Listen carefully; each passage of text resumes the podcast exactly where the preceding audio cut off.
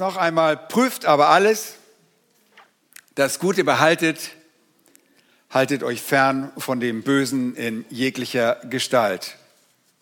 Und es ist genau diese Aufforderung, die uns zu diesem kleinen Studium in den letzten Wochen veranlasst hat, zu dieser kleinen Miniserie, dieser Trilogie, die ich heute beenden werde. Heute Nachmittag werden wir uns damit beschäftigen, wie Urteilskraft zu verstehen ist und wie sie gleichzeitig auch zu erlangen ist. Nun, eine der berühmtesten Sagen von Homer hat mit der Eroberung der Stadt Ilios beziehungsweise Troja zu tun. Gemäß der Sage hatten die Griechen Troja schon zehn Jahre lang belagert aber blieben mit dessen Eroberung erfolglos. Und aus Verzweiflung darüber entschloss sich ein Mann mit Namen Odysseus, ein riesiges, überdimensionales, hölzernes Pferd zu bauen und es gut sichtbar vor der Stadtmauer als Geschenk für die unbezwingbaren Trojaner stehen zu lassen. Und dann täuschten die Griechen ihren Abzug vor, scheinbar geschlagen, hinterließen nur das Pferd als Geschenk. Nun, die neugierigen und stolzen Trojaner, sie fühlten sich sicher genug, das Pferd in ihre Stadt zu ziehen. Sie taten das, obwohl ein Priester namens Laokon sie davor warnte und sagte, ich fürchte die Danäer, das war der Name für die Griechen, ich fürchte die Danäer auch, wenn sie Geschenke bringen. Nun, sie missachteten diese Warnung und in der Folgenacht krochen aus dem Rumpf des Pferdes versteckt griechische Soldaten heraus, öffneten die Stadttore Trojas von innen und ließen den Rest der griechischen Soldaten in die Stadt hinein. Nun, die Griechen metzelten die Bevölkerung von Troja nieder, plünderten und steckten die Stadt in Brand. Ihr Lieben, seit jener Zeit gilt das trojanische Pferd in der Geschichte als Symbol für Infiltration und Täuschung.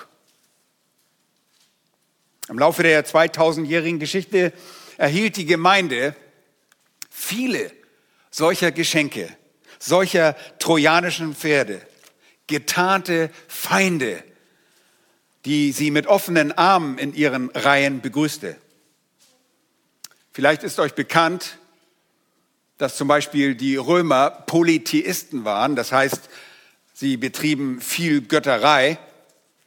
Aber als eines Tages das Christentum zur Religion des römischen Reiches erklärt wurde, war es erforderlich, diese Vielgötterei abzuschaffen, denn das Christentum hat nur ein Gott.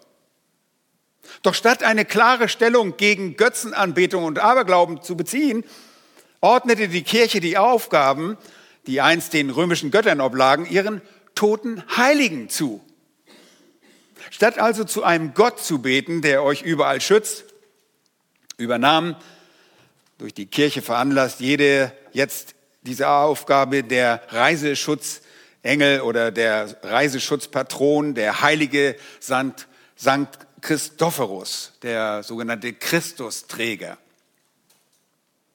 Und in ähnlicher Weise machten sie das auch mit ihren anderen Toten, die sie als Heilige deklarierten und die man für verschiedene Zwecke anbeten konnte.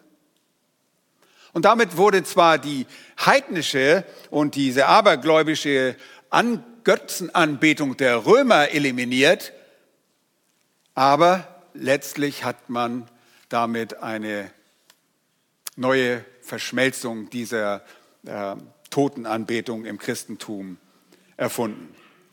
Zwar beteten jetzt die Christen oder die Namenschristen, die Bekenner, nicht mehr zu irgendeinem römischen Gott, aber dafür zu verschiedenen toten Heiligen, je nach Bedarf der Fürbitte. Das trojanische Pferd der römischen Religion blieb sozusagen innerhalb der Mauern des Christentums. Und es unterwanderte anschließend auch den wahren christlichen Glauben. Nun, im 18. Jahrhundert war das trojanische Pferd dann in Europa der sogenannte Rationalismus. Im Zeitalter des Rationalismus, das auch als Aufklärung bekannt ist, glaubten die Menschen, die gerade aus der Dunkelheit des Mittelalters kamen, dass der Mensch so clever ist, dass sein, das menschliche Intellekt so klug ist, dass sie keinen Gott mehr bräuchten. Der Mensch begann damit seine Ratio anzubeten. Er bewunderte seinen eigenen Verstand. Er war der Meinung, er habe die geistige Fähigkeit, alles selbst zu verstehen und alle Probleme zu lösen.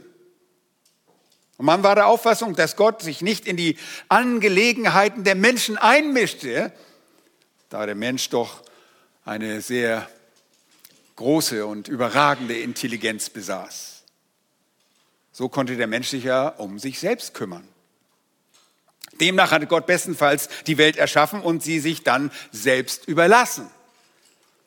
Alles war die Aufgabe der Menschen. Und da der Verstand des Menschen das Höchste war, entschieden die Menschen sich, dass alles, was ihr Verstand nicht sich vorstellen konnte oder was sie nicht begreifen konnten, das war nicht wahr.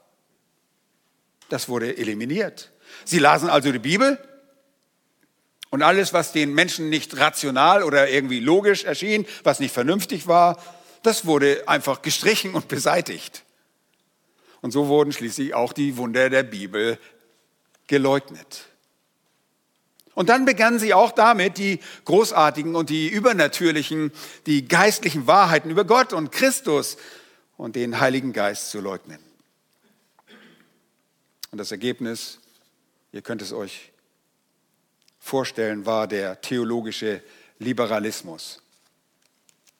Nun, einige von euch haben sicherlich von dem englischen Deismus äh, gehört und ihn jetzt gerade auch erkannt.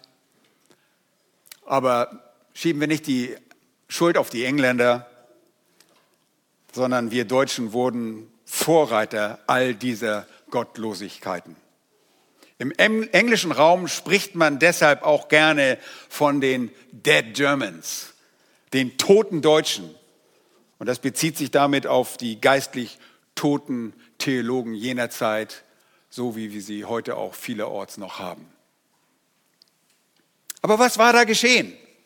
Nun, die Christenheit öffnete ihre Türen und das trojanische Pferd des Rationalismus, des Intellektualismus und es wird auch die Aufklärung genannt und zog sie in ihre Kreise hinein. Und religiöse Freidenker traten ins Rampenlicht und öffneten die Tore für den Fokus auf den Menschen statt auf Gott. Gemeinden waren folglich voll von diesen Denkern, bis diese schließlich ihren Glauben vollkommen verloren und der europäische Protestantismus liberal wurde. Völlig gottlos. Biblischer Glaube ist bis heute in solchen Kreisen fast vollständig erloschen. Als wäre das noch nicht genug, aber heute öffnet nicht nur die Kirche, sondern oder hat nicht nur die Kirche, sondern selbst die evangelikale Gemeinde öffnet ihre Tore für diese getarnten Feinde.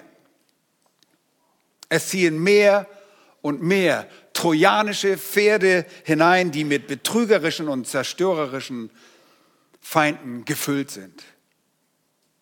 Und so zieht die Welt nach und nach auf die unterschiedlichste Weise in die Gemeinde ein. Wir könnten dabei den Verlust der moralischen Werte hervorheben, den Zerfall der Familien und den der von Scheidungen können wir reden, die als normal gelten. Wir könnten über das egoistische Streben nach Geld und Reichtum, Macht und Anerkennung sprechen, das letztlich sogar zu einem Wohlstandsevangelium, habt ihr das Wort mal gehört, führte. Wir können das trojanische Pferd des Pragmatismus oder der Psychologie erwähnen.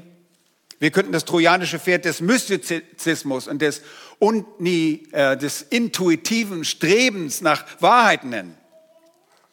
Wir könnten das trojanische Pferd des Beziehungskultes nennen. Und wie bereits erwähnt, den Wunsch nach Ansehen und das Trachten nach Akzeptanz in der Welt. Oh ihr Lieben, die Gemeinde hat viele verschiedene trojanische Pferde in ihre Mitte gezogen. Jetzt erleben wir das Ausströmen der darin verborgenen Feinde. Und ihr Lieben, das alles ist eine ausgeklügelte, eine raffinierte satanische List. Nun, Satan wird nicht direkt in die Gemeinde zum Predigen eingeladen. Satan wird nicht sagen, oh, hier ist meine verkehrte Lehre, äh, bitte nehmt sie doch an. Oh nein, Satan macht das viel geschickter. Er wird sich nicht als unverhohlene, er wird sich nicht als eine unverhohlene Lüge verkaufen. Satan macht es wie immer. Er präsentiert sich wie ein Geschenk, wie ein trojanisches Pferd, wie eine wohlschmeckende Frucht vom Baum in der Mitte des Gartens Eden. Und er geht dabei immer äußerst subtil vor. Seine Lügen und Täuschungen vermarktet er sehr geschickt, dass Menschen von der Wahrheit Gottes weggelockt werden und seinen zerstörerischen Trugschlüssen erliegen. Und er hat damit Erfolg. Er hatte schon bei Adam und Eva damit Erfolg und er mischt seine Geschenke einfach immer mit einer bestimmten Menge von Wahrheit. Und er legt seine Lügen jemanden in den Mund, der den Anspruch erhebt, für Christus zu sprechen. Und dabei bespickt er seine Geschenke mit ein paar Bibelversen und er appelliert im Namen christlichen oder des geistlichen Segens an den Egoismus und Stolz sowie das Fleisch des Menschen. Und so werden große Mengen, wirklich große, große, große Mengen wie Schlachtschafe zur Schlachtbank geführt. Warum? Ich sag's euch, weil all jene Menschen nicht gelernt haben, zwischen gut und böse zu unterscheiden. Und das ist traurig. Sie können es nicht. Diese Menschen können nicht mehr unterscheiden. Paulus sagte, als er an Timotheus schrieb, dass es so sein werde, erwarte das Timotheus, in späteren Zeiten werden etliche vom Glauben abfallen, weil sie sich irreführenden Geistern und Lehren der Dämonen zugewandt haben, die von heuchlerischen Lügnern gesprochen werden. Es wird Täuschung en masse geben. Es wird Heuchelei geben. Und Petrus sagt das in seinem zweiten Brief genauso. Falsche Propheten, falsche Lehre werden heimlich verderbliche Sekten einführen. Menschen werden in ihrer Sinnlichkeit folgen oder sie werden ihrer Sinnlichkeit folgen und eure Habgier ausnutzen. Sie sind habgierig, sie sind sinnlich, sie nutzen Menschen durch Täuschung aus. Aber häufig sind diese falschen Lehrer selbst Opfer der Täuschung geworden und sind von ihren Auffassungen sogar tiefst überzeugt. Oh, sie glauben das manchmal, was sie da vertreten. Nicht alle sind absolut offenkundige Scharlatane. Manchmal sind sie einfach nur Opfer selbst einer Täuschung geworden. Millionen von Menschen innerhalb der christlichen Kreise werden von den einmarschierenden Armeen der trojanischen Pferde, die in die Gemeinde eingelassen wurden, vernichtet. Ihr Lieben, das ist richtig dramatisch. Und unsere einzige Verteidigung, sie besteht darin, die Wahrheit gut zu kennen, damit wir kritisch urteilen und unterscheiden können. Darum geht es. Und das Problem ist, dass wir in einem Zeitalter leben, wo das Klima in der Gemeinde allem gegenüber Toleranz ist. Oh, ich sage, das müssen wir nicht so ernst nehmen. Das, lasst uns weitherzig sein. Oh, und es kommt wirklich nicht gut an, zwischen Gut und Böse zu differenzieren und kritisch zu urteilen. Der Trend ist vielmehr so, dass kritische Urteilskraft nicht geduldet wird. Die aufgeweichte Gemeinde will, dass alle liebevoll sind und wir nach Einheit trachten. Sie begehrt eine einseitige Liebe und eine nicht kontroverse Einstellung der Toleranz existiert in ihren Kreisen. Sie will nichts gegen die eigenen Glieder sagen, nicht sagen, das spalten könnte, denn jeder hat schließlich ein Recht auf seine Meinung. Also sagen sie, lasst uns alle lieben und wir werden uns alle vereinen.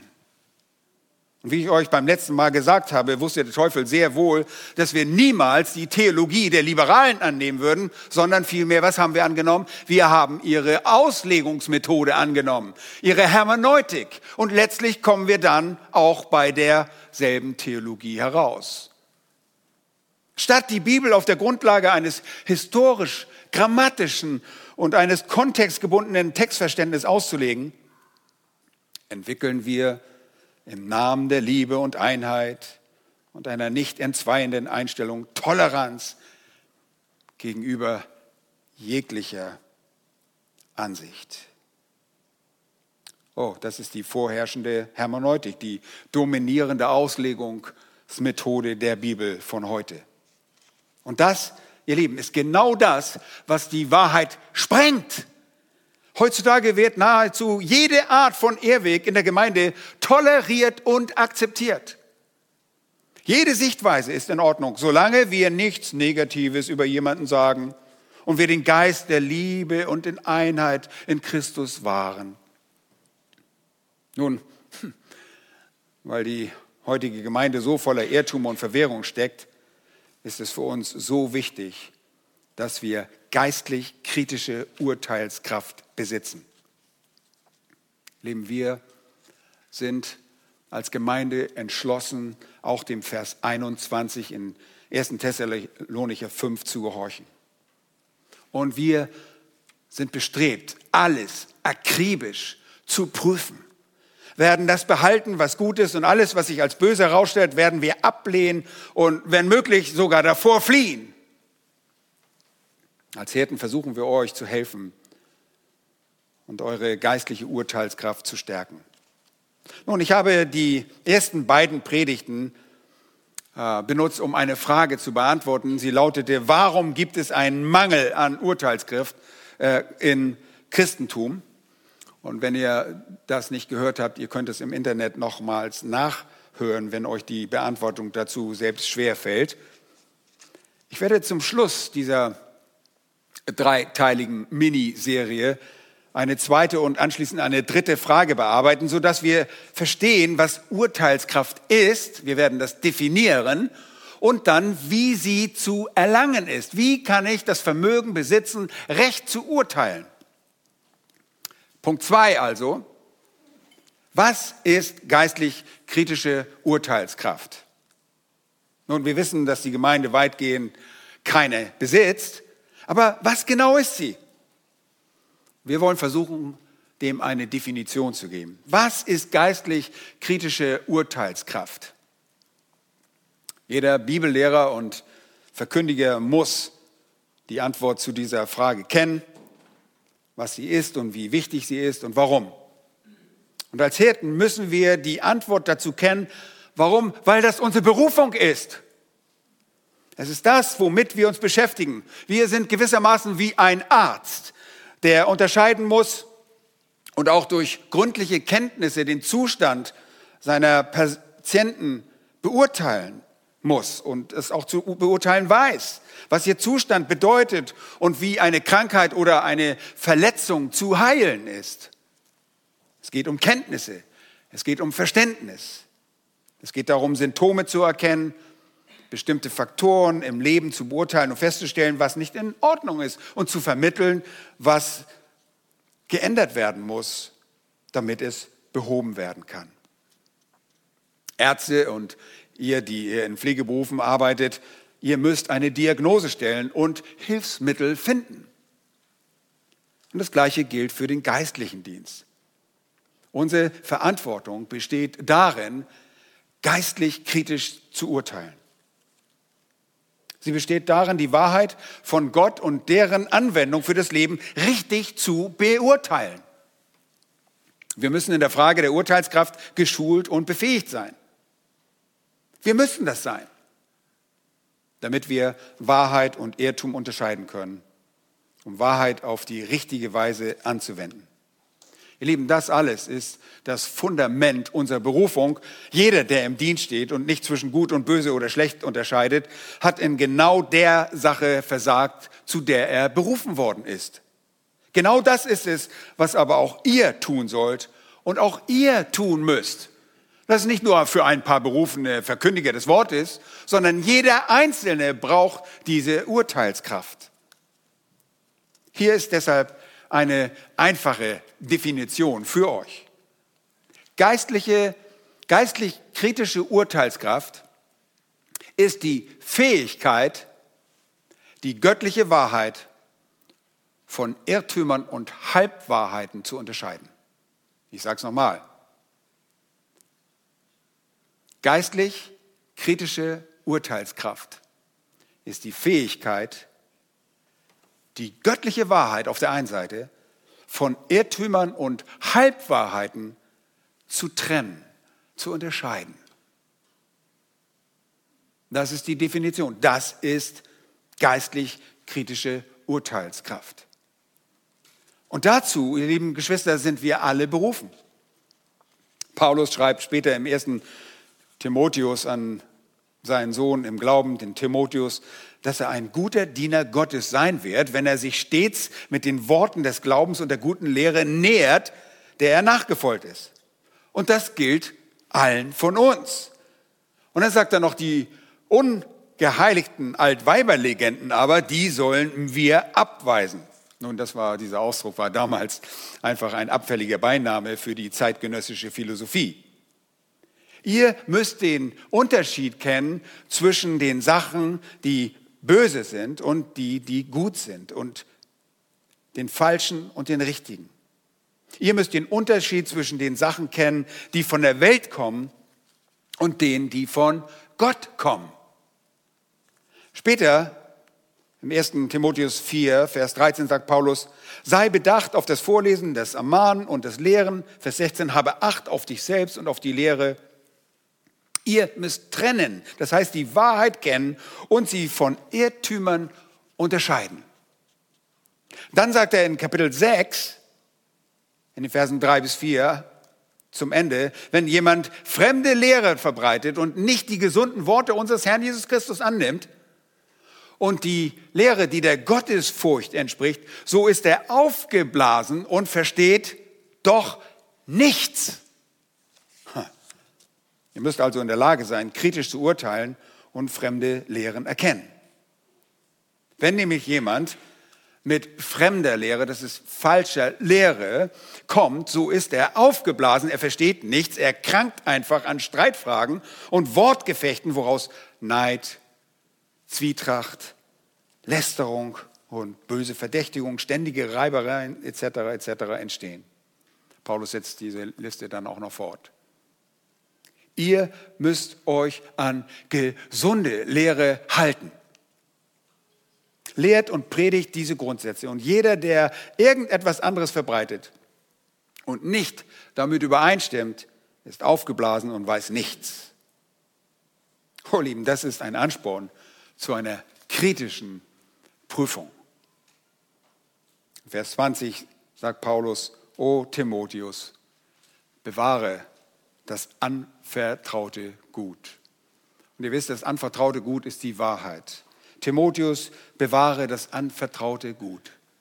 Meide das unheilige, nichtige Geschwätz und die Widersprüche der fälschlich sogenannten Erkenntnis.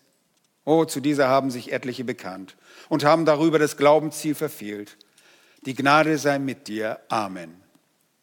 Timotheus, bewahre die Wahrheit.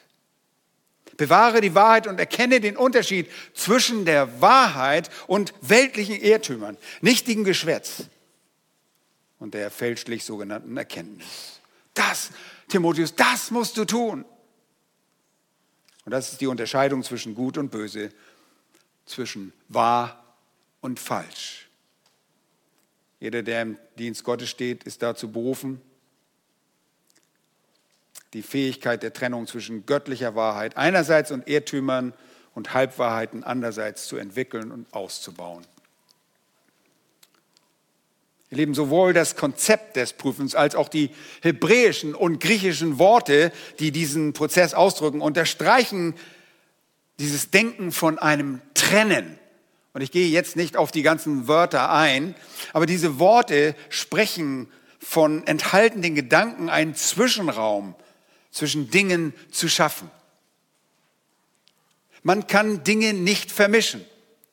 Das eine ist hier und das andere ist dort und diese Dinge lassen sich nicht mischen. Ich gebe euch nur kurz ein Beispiel. Wir können nicht die Wahrheit Gottes mit der Psychologie vermischen. Das geht nicht. Man nennt das zwar in einigen Kreisen christliche Psychologie, aber das ist ein Oxymoron. Das ist ein in sich widersprechender Begriff. Das gibt es nicht. Entweder hast du Gottes Wort oder das Psychologie. Wir glauben dem, was Gott über den Menschen offenbart, nicht der Psychologie. Und diese beiden lassen sich nicht miteinander mischen. Und deshalb müssen wir diese Dinge voneinander trennen. Das bedeutet, man trennt zwei Realitäten voneinander, die sich nicht miteinander mischen lassen. Und das ist ein Absonderungsprozess. Und darum geht es bei der Unterscheidung zwischen gut und böse. Eine Sache von einer anderen zu trennen, weil es einen Unterschied gibt und hier differenziert werden muss. Eine ausgeprägte kritische Urteilskraft ist also die Fähigkeit, das Verständnis und die Kenntnis der Wahrheit Gottes durch einen Prozess der Absonderung zu erreichen. Alles was wir lesen. Und alles, was wir hören oder ansehen, muss durch diesen Filter der Prüfung laufen. Und dabei müssen wir das Wahre von Unwahren trennen. Dieser Prozess ist genau das, die Unterscheidung zwischen Gut und Böse, zwischen Wahr und Unwahr oder Lüge. Und hier kommt wieder das Konzept der Antithese, das Schwarz-Weiß-Denken zur Anwendung. Und im gewissen Sinne handeln wir dabei wie ein Richter, der zwischen Guten und Rechten und dem Bösen und Unrecht unterscheiden muss. Eine ausgeprägte geistliche Urteilskraft ist also die Fähigkeit, Gottes Person, sein Wirken und sein Handeln, seine Wahrheit von allem anderen zu trennen, das darauf übergreifen will. Es ist das zu erkennen, was gut ist und das zu erkennen, was nicht gut ist. Darüber schrieb Paulus in Römer Kapitel 12, Vers 2. Ihr könnt es selbst mal nachschlagen, wenn ihr es aufschlagt, da wird es genau beschrieben. Es ist eine Fähigkeit, die durch die Erneuerung eurer Sinne entsteht. Und es ist die Fähigkeit, über die Paulus auch in Kolosse 1, Vers 9 schrieb, als er sagte, ich möchte, dass ihr erfüllt werdet mit der Erkenntnis seines Willens in aller geistlichen Weisheit und Einsicht, damit ihr des Herrn würdig wandelt. Gott möchte, dass ihr seinen Willen erkennt, dass ihr die Wahrheit aller Dinge feststellen könnt. Und der Schlüssel ist, dass ihr eine Trennung vornehmt und recht unterscheidet. Wir müssen also als Christen sorgfältig, gründlich prüfen. Und wenn es heißt, prüfe aber alles, deutet es darauf hin, dass wir alles von Irrtümern trennen müssen. Warum? Weil Gott uns die Wahrheit gegeben hat. Und der Feind Gottes immer wieder bestrebt ist, danach Unwahrheiten, Lüge in unsere Kreise, in unser Leben zu bringen. Und wir müssen diese Wahrheit auch der nächsten Generation weitergeben können. Satan will nicht die Wahrheit. Er will sie vernichten. Aber am liebsten will er sie unterwandern. Das ist noch besser als nur eine Lüge zu bringen. Er will sie unterwandern mit Halbwahrheiten. Er möchte ein paar trojanische Pferde in die Gemeinde einschleusen. Er will, dass wir die Tore weit öffnen, sodass seine Diener in das Innere der Gemeinde eindringen können. Und ihr Lieben, das führt dann zu dem von ihm gewünschten Chaos. Das bringt uns zu dem dritten Punkt und der letzten Frage. Und sie lautet, wie kann ich denn eine geistlich kritische Urteilskraft überhaupt erlangen? Wie kann ich sie entwickeln? Und ich hoffe, ihr wollt das alle. Ich möchte das. Und die Frage ist, wie ihr dieses Ziel erreicht. Lieben, das geht nicht nur einfach so, dass wir einmal kommen und sagen, ab morgen habe ich das, sondern sie du musst verschiedene Schritte durchlaufen. Und der erste Schritt ist, du brauchst ein Verlangen. Und das werdet ihr nicht in der Einteilung, sondern ihr müsst euch die Punkte jetzt selber aufschreiben, wenn ihr was zu schreiben dabei habt. Der erste Schritt ist durch ein Verlangen. Und damit fängt es an. Wenn du das Verlangen nicht hast, verständig zu sein, dann wirst du auch niemals verständig sein.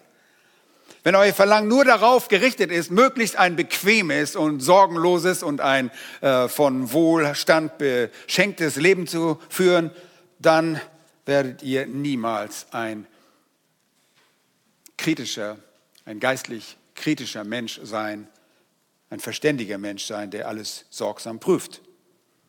Bequemlichkeit, ihr Lieben, Bequemlichkeit ist das Gleisbett der Fahrspur auf dem Weg zur Hölle. Geistlich kritische Urteilskraft entsteht aus einem Verlangen. Und zwar, das auf Demut beruht.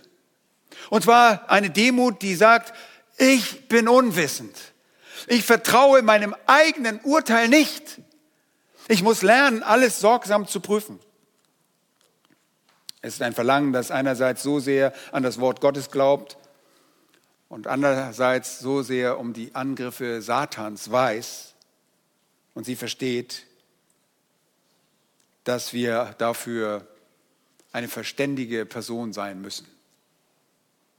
Und diese Einstellung sagt, ich weiß, ich kann getäuscht werden. Ich weiß, ich kann meinen eigenen Gefühlen, meinen eigenen Emotionen, meinen eigenen Gedanken, meinen eigenen Ideen nicht vertrauen. Ich muss alles gründlich prüfen. Und ich weiß, ich kann von einer biblischen Lehre geködert werden. Das können wir alle. Deshalb müssen wir alles gründlich prüfen. Und ich weiß auch sehr wohl, dass ich meine eigene Theologie durch mein selbstsüchtiges Verlangen irgendwie äh, kontrollieren kann und formen kann. Ich muss alles sorgsam prüfen. Und erst wenn ihr aufgrund der Demut über eure eigene Unfähigkeit und der Anerkennung eurer eigenen Schwäche sagt, ich sehne mich danach, ein verständiger Mensch zu sein, ihr Lieben, dann seid ihr angefangen, auf dem richtigen Weg zu treten, den richtigen Weg zu beschreiten. Dann habt ihr Schrift, Schritt 1 getan. Das Verlangen ist der Schritt 1. Schaut einmal, schlagt das bitte einmal auf in Sprüche Kapitel 2. Sprüche Kapitel 2. Und da heißt es in den Versen 3 bis 5 so, vertraue, nee, das ist Kapitel 3, Moment. Ja, 2 Vers 3, wenn du um Verständnis betest, und um Einsicht flehst, wenn du sie suchst wie Silber und nach ihr forschest wie nach Schätzen, dann wirst du die Furcht Jahwes verstehen und die Erkenntnis Gottes erlangen. Wenn du sie willst, wenn du danach suchst, wenn du danach forschst, dann drückt das Verlangen aus. Und dann betest du dafür. Und das ist der zweite Schritt. Schritt Nummer zwei ist das Gebet. Im Gebet wird die Erkenntnis der Abhängigkeit von Jahwe Gott praktisch ausgedrückt. Da merkst du, ob du wirklich glaubst, dass du abhängig bist von Gott. Wenn du betest, wenn du nicht betest, denkst du, oh, ich kann das allein machen. Ich kenne mich so gut aus, ich kann das allein machen. Ihr könnt voller Verlangen sein, aber ihr müsst euch auch an Gott wenden. Wisst ihr, da gibt es eine wunderbare Anschauung im ersten Buch der Könige, Kapitel 3 von dem König Salomo in Vers 9 heißt es dort, als Salomo zu Gott betete, oder oh, betete er, gib du deinem Knecht doch ein verständiges Herz, dass er dein Volk zu richten versteht. Ihr wisst, Salomo war König über Israel. Und er betete, oh, dass er dein Volk zu richten versteht. Er wollte das Volk richtig verstehen und unterscheiden kann was gut und böse ist, steht dort. Ha, der wollte geistliche Urteilskraft besitzen. Und deshalb betet er. Und Salomo sagt, ich will gut und böse unterscheiden können. Ich will diese Urteilskraft besitzen. Oh, was für eine wunderbare Bitte. Denn er erkennt, dass er ohne diese Fähigkeit die ihm anvertraute Aufgabe nicht vollbringen kann, zwischen Gut und Böse zu unterscheiden. Und dann sagt er dort in Kapitel 3, Vers 10, und es war Jahwe wohlgefällig, dass Salomo um dies bat. Oh, Jahwe wurde durch diese Bitte um kritische Urteilskraft gesegnet. Und er sprach, weil du dies bittest und nicht selbstsüchtig bittest, siehe, so habe ich nach deinen Worten gehandelt. Menschen, die nach Urteilskraft streben, sind bereit, über den, ihren Tellerrand der Selbstsucht zu sehen.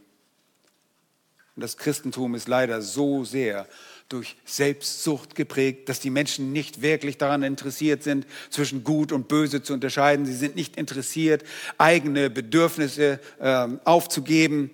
Äh, es muss bequem sein und man bringt keine Opfer auf und man schafft es nicht mal zu den Veranstaltungen einer Gemeinde. Das ist zu viel Aufwand. Und Jahwe sagt zu Salomo, du hast es nicht getan. Du hattest die Gelegenheit, um alles Erdenkliche zu bitten.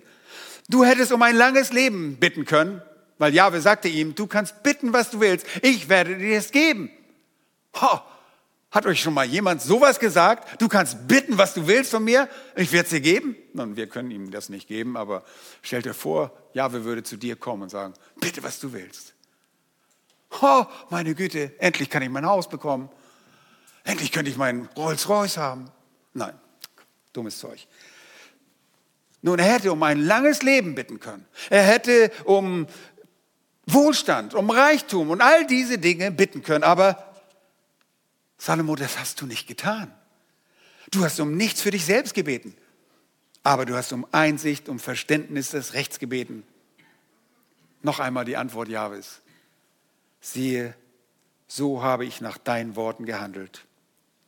Ich habe dir ein weises und verständiges Herz gegeben, dass deinesgleichen vor dir nicht gewesen ist und deinesgleichen nach dir nicht aufkommen wird. Oh, das ist eine gute Anwendung von Jakobus 1, Vers 5. Schon bevor dieser Vers in Jakobus 1, Vers 5 geschrieben wurde, hat Salomo das gemacht. Da steht nämlich, wenn aber jemand unter euch Weisheit mangelt, so bitte er sie von Gott, der allen gern und ohne Vorwurf gibt, so wird sie ihm gegeben werden. Salomo erlangte diese Weisheit. Ihr Lieben, zum Verlangen gehört das Gebet. Denn ich kann ein Verlangen nach Einsicht haben, aber für den Prozess, der mich einsichtig macht, muss ich wie Salomo im Gebet zum Herrn kommen. Ich flehe Gott an, mir Ansicht zu geben, mich zu lehren, zwischen Gut und Böse zu unterscheiden, mir diese Fähigkeit zu gewähren. Ein dritter Schritt ist das Lernen von Begabten. Ein verständiger Mensch wirst du sein, erstens mit einem Verlangen, zweitens mit dem kontinuierlichen Gebet, in dem wir das Verlangen vor den Herrn bringen und drittens, wenn du von Begabten lernst. Nun, ihr werdet in eurem Leben und in der Gemeinde feststellen, dass es solche gibt, die die Fähigkeit besitzen, geistlich kritisch zu unterscheiden und zu urteilen. Und warum ist das so? Weil es in 1. Korinther 12 gibt es eine Liste von Geistesgaben. Diese Begabten meinen wir. Das sind Leute, die die Fähigkeit haben, Geister zu unterscheiden. Dort wird es erwähnt. Das ist das Unterscheiden von Geistern, beziehungsweise das kritische Beurteilen von Geistern. 1. Johannes Kapitel 4, Vers 1 macht das sogar sehr deutlich. Geliebte, glaubt nicht jedem Geist, sondern prüft die Geister, ob sie aus Gott sind. Wir wissen also, dass in der Anfangszeit der Gemeinde Satan und seine Dämonen bemüht waren, die Gemeinde zu versuchen und sie mit Lügen zu infiltrieren. Deshalb war es für die ersten Christen wichtig, dass sie zwischen dem wahren Sprachrohr Gottes und einem Dämon unterscheiden, zu unterscheiden wussten. Und dazu müsst ihr verstehen, als die Thessalonicher diesen Brief bekamen, da hatten sie nicht die volle Offenbarung. Die konnten nicht einfach das Neue Testament aufschlagen und mal gucken, was hier und was da steht. Sie hatten wohl alttestamentliche Schriften. Sie hatten den Tanach. Wie wussten sie also, was sie glauben konnten? Nun, es gab einige in der Gemeinde, die die Fähigkeit hatten, das zu prüfen und zu unterscheiden. Es geschah, wie es aussieht, eine Zeit lang auf übernatürliche Art und Weise, dass Gott ihnen tatsächlich Einblick gewährte, um zu erkennen, dass es sich bei einer Person um einen Dämon handelte. Zumindest ein Dämon, der diesen, diese Person benutzte. Sie mögen diese Fähigkeit gehabt haben, denn wir wissen zum Beispiel aus der Apostelgeschichte 16, dass eine Frau zu Paulus und Silas kam und diese beiden die folgenden äh, sehr vertrauten Worte sprach. Diese Männer, sagte diese Frau, sie verfolgte die und sagte, diese Männer sind Diener des Höchsten, die von dem Weg des Heils verkündigen. Ho, das war vollkommen richtig. Paulus und Silas waren Diener des Höchsten und sie verkündigten den Weg des Heils. Das war absolut richtig, was diese Frau ihn nachrief. Aber Paulus wusste auch, dass diese Aussage von wem kam? Von einem Dämonengeist, der in dieser jungen Frau lebte. Und vergesst nicht, als er sich das eine Weile angehört hatte, da ging das ein bisschen auf den Keks. Ja, er hat gesagt, nee, das, das geht nicht. Da trieb er den Dämonen aus. Denn er wusste genau, das Subtile an der Situation war, dass es ein Dämonengeist war, der die Wahrheit sprach. Und damit die Menschen dieses Mädchen mit offenen Armen begrüßen würden und wenn sie das einmal getan hatten, dann würde sie möglicherweise alle möglichen Lügen erzählen. Und ihr seht, das ist wie so ein trojanisches Pferd. Auf einmal würde der Feind zuschlagen. Deshalb war es notwendig, dass Paulus durch die Gnade Gottes verstehen konnte, was wirklich vor sich ging. Und er hatte die Gabe, die Fähigkeit zu unterscheiden. In der frühen Gemeinde gab es also solche, die offensichtlich die Fähigkeit hatten, kritisch zu denken, um zwischen Wahrheit und Irrtum und einem falschen Geist und einem wahren Geist zu unterscheiden. Diese Menschen, diese äh, begabten Männer waren Wächter der Wahrheit und Wächter der Gemeinde. Aber hier ist die Frage, was ist mit dieser Gabe heute? Existiert diese Gabe heute noch? Oder war das nur für diese damalige Zeit? Nun, es gibt nichts in der Schrift, was darauf hinweist, dass diese Gabe nicht mehr existiert. Wir lesen ganz und gar nichts darüber, haben also keinen äh, Grund zur Annahme, dass es diese Gabe nicht mehr gibt. Es gibt kein Problem damit, dass diese Gabe in der Gemeinde weiter existiert. Und ihr Lieben, das tut sie auch. Diese Gabe wird noch heute im Leben von Gläubigen in der Gemeinde gebraucht, um die Gemeinde vor Irrtümern zu schützen. Gott gibt einigen in der Gemeinde diese Fähigkeit der Einsicht. Wisst ihr, wie diese einigen, diese wenigen Leute, die diese Fähigkeit haben, bekommen haben? Nicht durch einen Zauber vom Himmel, nicht eine übernatürliche Begabung in der Hinsicht, dass sie nicht die Bibel lesen mussten. Sie hatten ein Verlangen. Sie hatten nicht nur ein Verlangen, sie beteten danach. Und sie lernten auch von anderen, aber sie lernten vor allen Dingen von Gott und aus seinem Wort. Es gibt diese Gabe immer noch. Besonders Begabte können man Bibelgelehrte bezeichnen, und ihr kennt sie auch alle daher, dass ihr ab und zu mal Bücher lest von Männern oder sogar auch Frauen, die gute Bücher schreiben. Und wir denken, wow, das ist wirklich scharfsinnig, gut ausgedrückt. Und wir lernen von solchen begabten Menschen. Sie können das richtige Verständnis eines Sachverhalts vermitteln und sie werden gewissermaßen Wächter der Gemeinde. Jeden Tag werden dennoch immer noch trojanische Pferde in die Mitte der Gemeinde gezogen. Und deshalb gab Gott einige Menschen, die eine besondere Gabe der Unterscheidung erhalten haben. Sie entlarven falsche Propheten, weil sie von Gott die Gabe erhalten haben, relevante Dinge kritisch zu beurteilen. Und ich glaube, dass diese Männer primär Männer Gemeindeleute sind, solche, die nicht losgelöst von Gottes Gemeinde dienen und einen übergemeindlichen Dienst anstreben. Es sind Männer einer lokalen Gemeinde, wo sie ihr Zuhause haben.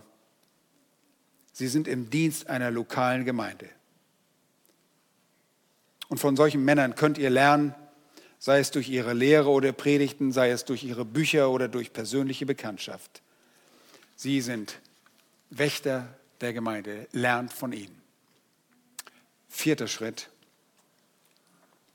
Folge, und das lehnt sehr an dem an, was der dritte Punkt sagt, folge reifen Christen. Folge dem Weg der reifen Christen. Ihr beginnt mit dem Verlangen und ihr geht dann zum Gebet. Ihr lernt von denen, die kritische Urteilskraft besitzen und auf diesem Gebiet begabt seid. Und viertens folgt ihr dem Weg der Reifen und bleibt auf dem Weg der Reifen. Bleibt auf diesem Weg. Das hat nichts mit dem Autoreifen zu sehen, sondern mit Reife einer, eines Heranwachsens eines Christen, der geübt ist und geschult ist, seine Sinne geschult hat, wie es auch Hebräer Kapitel 5 ausdrückt. Reife Menschen besitzen eine umfassende Urteilskraft. Hebräer 5, Vers 14 sagt es, die feste Speise, und damit meint er äh, das tiefe Wort Gottes, die tiefen Wahrheiten des Wortes, aber ist für die Gereiften, deren Sinne durch Übung geschult sind zur Unterscheidung des Guten und des Bösen. Hebräer 5, Vers 14. Und dann heißt es in Epheser 4, Vers 13, sagt uns, warum wir fest werden sollen. Warum sollen wir fest werden? Damit wir nicht wie Unmündige sein, hin und her geworfen und umhergetrieben von jedem Wind der Lehre, durch das betrügerische Spiel der Menschen, durch die Schlauheit, mit der sie zum Irrtum verführen. Ihr Lieben, Kinder haben keinerlei kritische Urteilskraft. Hat es schon mehrmals gesagt. Ja, deshalb sind die Mütter, Mütter am Abend so müde, weil sie ihren Kindern immer hinterherlaufen müssen. Die wissen nicht, was sie anfassen dürfen oder in den Mund stecken können. Sie haben einfach keine Urteilskraft. Und wir müssen sie jahrelang zu einem verständigen Kind heranziehen. das ist auch die Hoffnung. Ihr verliert ein Kind nicht an einem Tag und sagt, oh, heute habe ich vergessen, sie zu erziehen, Nein, ihr habt Kinder jahrelang, damit ihr sie erziehen könnt und damit sie eine Urteilskraft erlangen. Das tut man kontinuierlich. Selbst wenn eure Kinder in die sogenannten Teenager-Jahre kommen, versucht ihr immer noch, sie zu unterweisen. Und versteht ihr, warum es hier geht? Das gehört zur Kindererziehung. Das werden wir bald noch mehr davon hören in unserer Tagung im November. Aber wenn ihr ein weises Kind heranzieht, dann ist das der Prozess. Und es ist ein Prozess. Und das Gleiche gilt auf geistlicher Ebene. Du und ich, wir gehen nicht eines Nachts ins Bett und sagen, Herr, mach mich verständig. Und nächsten Morgen stehen wir auf und ha, ich kann alles klar sehen. So geht das nicht. Es ist ein Prozess. Es bedeutet, dass wir dem Pfad der Reife folgen. Und wie wird man reif? Oh, indem wir wie Babys begierig sind nach der reinen Milch des Wortes, damit wir durch sie heranwachsen. Das ist auch nicht irgendwie ein Trick, wie es in den charismatischen Kreisen, komm, ich werde dich segnen und dann wirst du Power haben und dann ist alles gut. Nein, nein, nein, nein, nein, das ist nicht der Weg Gottes. Gott sagt, du musst reifen, du musst heranwachsen. Ihr müsst durch das Wort heranreifen. Und zudem werden wir durch Versuchungen und Prüfungen reif. Und nachdem wir eine Weile gelitten haben, wird der Herr euch vollkommen machen. Es ist also ein Prozess. Folgt dem Weg der Reife. Und ihr Lieben, gerade das Leid ist etwas, was Gott sehr gerne braucht. Manchmal verstehen wir das überhaupt nicht, aber das haben wir gerade gesungen. Ist mir aufgefallen in dem einen Lied. Selbst wenn wir es nicht verstehen, wir vertrauen unserem Gott. Er macht alles richtig. Und das ist für den Prozess der Reife von größter Bedeutung. Gebt euch nicht damit zufrieden, wo ihr jetzt seid. Strebt nach Wachstums. Fünftens, verlasse dich auf den Heiligen Geist. Habt ihr das schon mal irgendwo gehört? Oh, was hat Daniel am vergangenen Sonntag gesagt? Was ist die erste Boje für die Gemeinde, damit ihre Mission auf Kurs bleibt? Es ist die Unterordnung unter den Geist Gottes. Das war sein erster Punkt. Und es ist genau das, was wir brauchen, um eine geistlich kritische Urteilskraft zu erlangen. Und das heißt, ihr müsst im Geist wandeln. Und dafür muss man sich dem Geist beugen und ergeben.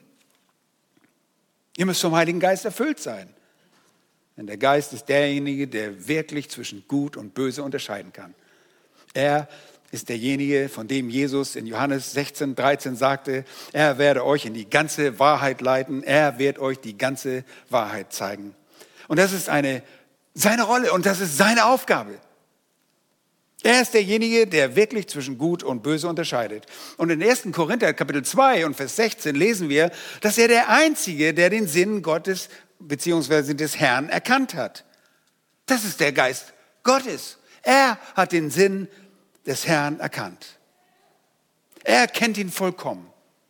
Nun, dadurch, dass wir den Geist Gottes in uns haben, indem wir Kinder Gottes geworden sind, haben wir den Sinn des Christus. Ist das nicht wunderbar? 1. Johannes 2, Vers 20 und 27 heißt es, und ihr habt die Salbung von dem Heiligen Geist und ihr habt es nicht nötig, dass euch jemand lehrt, das ist die Salbung vom Heiligen Geist. Und wir verstehen das schon richtig, dass wir, oh, wir brauchen keine menschliche Lehre mehr. Wir gehen nach Hause, wir sind, haben den Heiligen Geist und der macht das schon irgendwie.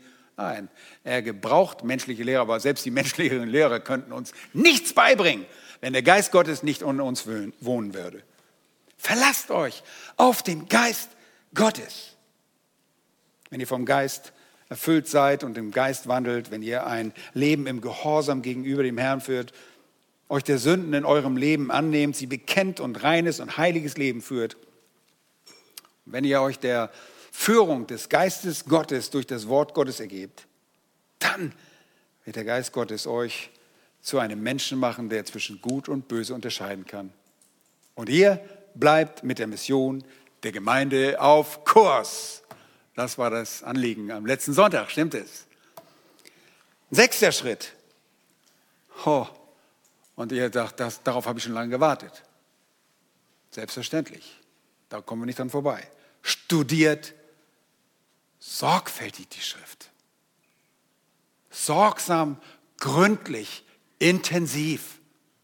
Oh ja, ich lese meine Bibel morgens fünf Minuten und dann sage ich Amen und sage, Herr, bis morgen, ich komme morgen wieder.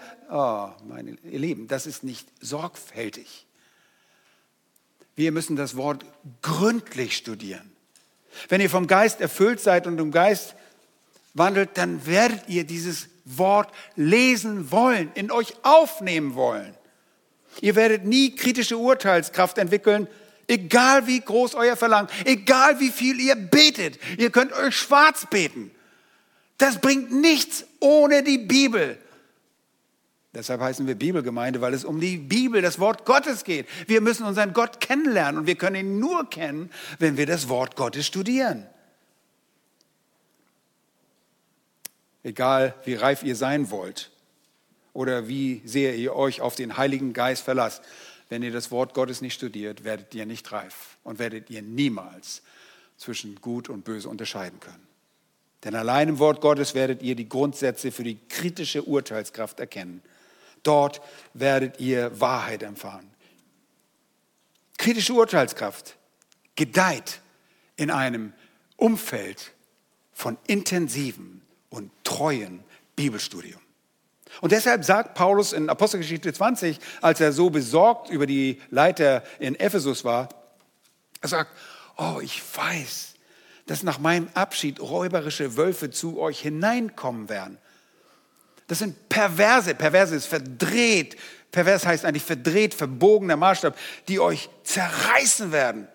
Da werden trojanische Pferde werden kommen. Der Feind wird eindringen. Ihr werdet irgendein Irrtum aufsetzen und aus eurer eigenen Mitte, ihr Lieben, aus eurer eigenen Mitte werden Männer aufstehen.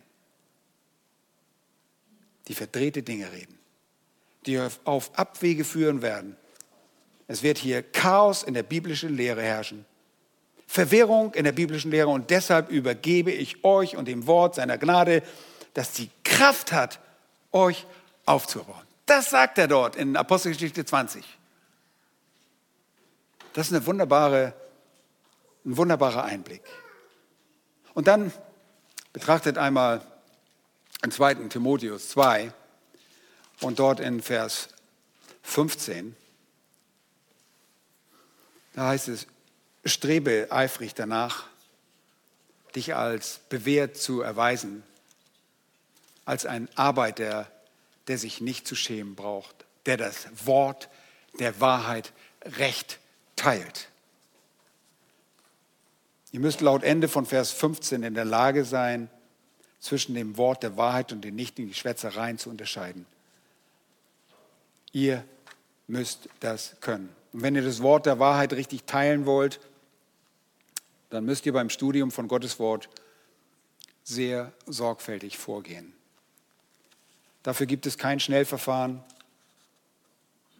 Manchmal denken Leute, oh, ich habe schon diesen Kurs gemacht, jetzt bin ich eine geistliche Größe. Ihr Leben, denkt zweimal. Das ist eine Frage von Treue, jahrelanger Treue und Hingeben. Und ich, wir beobachten das. Wir beobachten das Gemeinde. Leute, die jahrelang hier kommen und das Wort Gottes studieren, die sind reif. Die können unterscheiden. Die wissen ganz genau, das ist böse, das ist gut. Und das ist das, was den Mann Gottes vollkommen macht, zu jedem guten Werk völlig ausgerüstet, sagt Paulus später. Wenn ihr verständig sein wollt, braucht ihr also Verlangen, ihr braucht das Gebet, ihr braucht gute Vorbilder, ihr braucht reife Personen, den Heiligen Geist, sorgfältiges Studium und die Erkenntnis des Wortes. Und was wird dann geschehen? Mit diesem Ansatz, wenn wir einen Weg einschlagen, der diese Schritte befolgt, wird das in unserer Gemeinde die Überzeugung von der biblischen Lehre stärken. Und ihr werdet wieder deutlich schwarz-weiß denken können, antithetisch, ohne jeglichen relativen Werte. Und es wird Gemeindezucht geben, korrektive Gemeindeseelsorge, weil wir wissen, der Ungläubige hört nicht in die Kreise der Gemeinde. Sünde gehört hier nicht in die Gemeinde. Wir sind alle Sünder und wir leben aus der Vergebung, aber wir tolerieren nicht unbekannte Sünde in der Gemeinde. Und das wird ein jeder verstehen. Und wisst ihr, was das auch macht? Das macht euch zu einer Person, die Gott ehrt. Und das sollte uns den Antrieb geben. Dann werden wir eine Gemeinde sein, die geistlich kritisch urteilen kann, zwischen Gut und Böse unterscheiden kann, richtig und falsch, aber wir werden Gott ehren damit. Ich möchte mit Philippa einschließen, einem sehr wichtigen Text. Philippa, Paulus schreibt an die Philippa aus dem Gefängnis in Rom. Da schreibt er in Kapitel 1, Vers 9.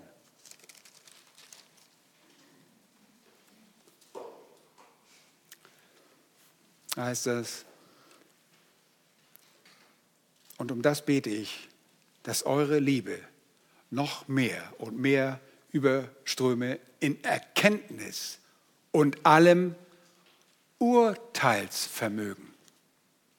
Und dann heißt es in Vers 10, damit ihr prüfen könnt, worauf es ankommt, sodass ihr lauter und ohne Anstoß seid bis auf den Tag des Christus. Ich will nicht lieblos sein. Ich will, dass eure Liebe mehr und mehr überströme und ich will mehr Liebe gegenüber anderen. Und Paulus spricht von einer Liebe gegen anderen Menschen, gegenüber anderen Menschen und er sagt, unsere Liebe soll überströmen. Und ich möchte nicht, dass man uns auch für lieblos hält und er sagt zu den Philippern, sie sollen euch nicht für lieblos halten, aber sie muss mehr und mehr überströmen in echter Erkenntnis und Urteilsvermögen. Das ist so wichtig. Man kann Liebe nicht als Hermeneutik, als Auslegungsgrundsatz verwenden. Ihr wollt mehr und mehr Liebe haben, aber diese Liebe ist in echter Erkenntnis und Erkenntnis der Realität und Urteilsvermögen enthalten. Und das ist damit, ihr prüfen könnt, worauf es ankommt. Oh ihr Lieben, wir wollen liebevoll sein, aber mit einer Liebe in echter Erkenntnis und Urteilsvermögen. Das ist unser Wunsch. Auf dass wir überströmen in der Liebe zu anderen. Und sowohl hier in Vers 10 und auch in Vers 11 sagt er, dass sich das in der Zukunft in eurer Herrlichkeit widerspiegeln wird. Das ist Gottes Aufruf zu einer gründlichen Prüfung. So ist Urteilskraft zu verstehen und so ist sie auch zu erlangen. Lass uns beten.